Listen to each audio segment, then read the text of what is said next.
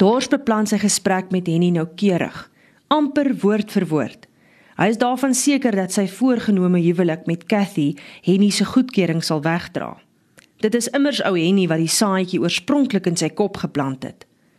Hy moet eers die nuus oordra en dan hoor van ou Henny se trokkie vir dorp toe.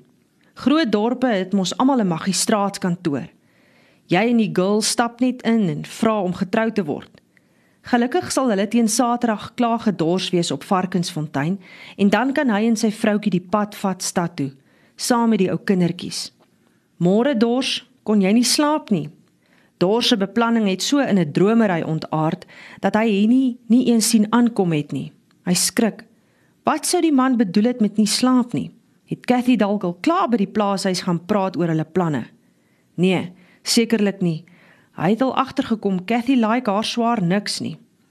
Nee, ek het lank wakker gelê, sê Dors, van opgewondenheid. Hoe so? vra hy nie. Nee, ek het jou goeie raad gevolg en gisteraand bietjie oorgestap en uh, ernstig met Cathy gaan praat. Bietjie oorgestap, spot hy nie.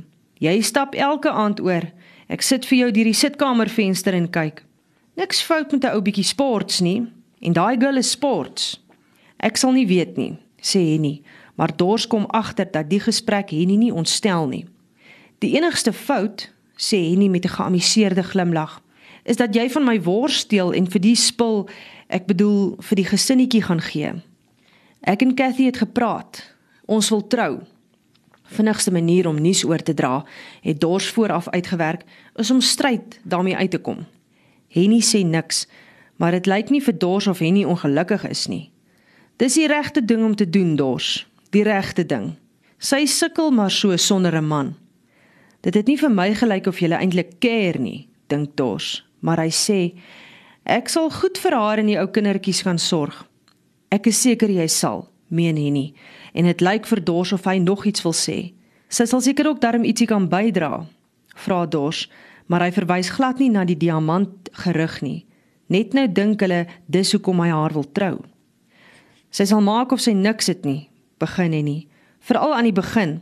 En jy moet vereers nie sê wat ek vir jou van diamante gesê het nie. Net nou kry sy hond se gedagtes en dink jy's net agter haar diamante aan. Henny formuleer versigtig. Die man kan dalk agterkom die diamante is net 'n storie en dan bly Varkensfontein opgeskeep sit met die Marie spilletjie. Hy kon nog nooit aan hulle as duisels dink nie. Ferreira sal wel later uitvind dis sommer net 'n wilde delwer storie wat tussen die vergete klim soos 'n spook dwaal. Nee, geld was nie eens in my kop nie. Ek trou vir liefde. Jy lieg, dink Henny, maar hy gaan die man nie afskrik nie. Help hom liewer. Moet net nie oorgretig lyk nie. Dis die maklikste manier om van die armlastiges ontslae te raak. Hy het nie gedink die man sou so vinnig reageer nie. Aan die ander kant moet Cathy seker hard op soek wees na 'n man. Wanneer beplan julle om te trou? vra hy. Dis nou juis iets wat ek met jou wil bespreek, sê Dors en trek sy nekspier. So gou as moontlik. Hy bly berekend stil. So gou as wat ons op die dorp kan kom. Ek wil nie nog tyd mors nie. In die stad kan ons in my kerk weer die heilige belofte voor God aflê. Dis beter so, sê Henny sonder om hardop te juig. Ek het nou gewonder of ek nie jou trokkie kan leen nie, net in dorp toe en terug. Ek wil juis ver oggend koöperasie toe gaan. Julle kan met plesier saamry. Dankbaar. Ek gaan net gou sê sodat die ou girlie kan tittewyd. Jy weet mos hoe's vroumense. Goed so, sê Henny en wonder wat Cathy Marie nou eintlik het om te tittewyd. Maar hy sê niks. Ook nie dat hy net wag dat Dors weg is voordat hy vir Hanna die nuus gaan vertel dat hulle uiteindelik van hulle armlastige familie ontslaa is. Hanna sal saamjuig. Hy sal selfs die magistraat se koste betaal en 5 treinkaartjies Pretoria toe is die minste wat hy vir die spul sukkelaars kan doen. Dors loop en neerie terwyl hy oorstap na die huisie. Goeie nuus my kinders, groet hy die drietjies wat op die trap sit, elkeen met 'n stukkie droë brood. Voor vanaand is julle oom Dors, julle nuwe pappa. Die kinders skuif bedees weg sodat hy kan ingaan kombuis toe. Hulle weet mos hy kom nie eintlik vir hulle kuier nie.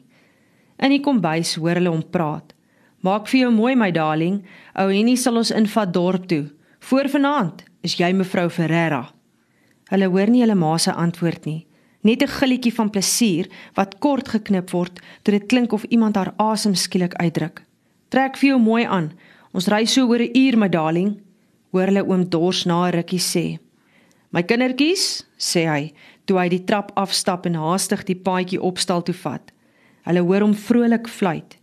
"Wat is aan die gang, sis?" vra Katrina. "Nee, ek weet nie." Hester loop die huis in. "Wat het oom Dors kom vra, ma?" Ek en oom Dors gaan trou vanoggend nog. Hester sluk en staar haar ma verbuisterend aan sonder om 'n woord te sê. Moenie net daar staan nie, sê haar ma. Bring vir my die waskottel en maak die ketel vol water. En hou die kleintjies buite. Ek wil was en 'n skoon rok aantrek. Het ma dan nog 'n rok? Hou op vra vra en bring die skottel. Gaan maar regtig trou vandag nog. Ek het nie geweet 'n mens kan so vinnig trou nie. Ek ook nie my skat, ek ook nie, sê haar ma en begin voor die stoof uittrek. Wat gaan aan? Vra Katrina toe Hester uitkom. Ek weet nie, maar ma en oom Dors gaan vandag trou. Trou? vra Katrina. Wat is trou? vra Jopie. Oom Dors gaan ons pa word. Jippie! skree Jopie.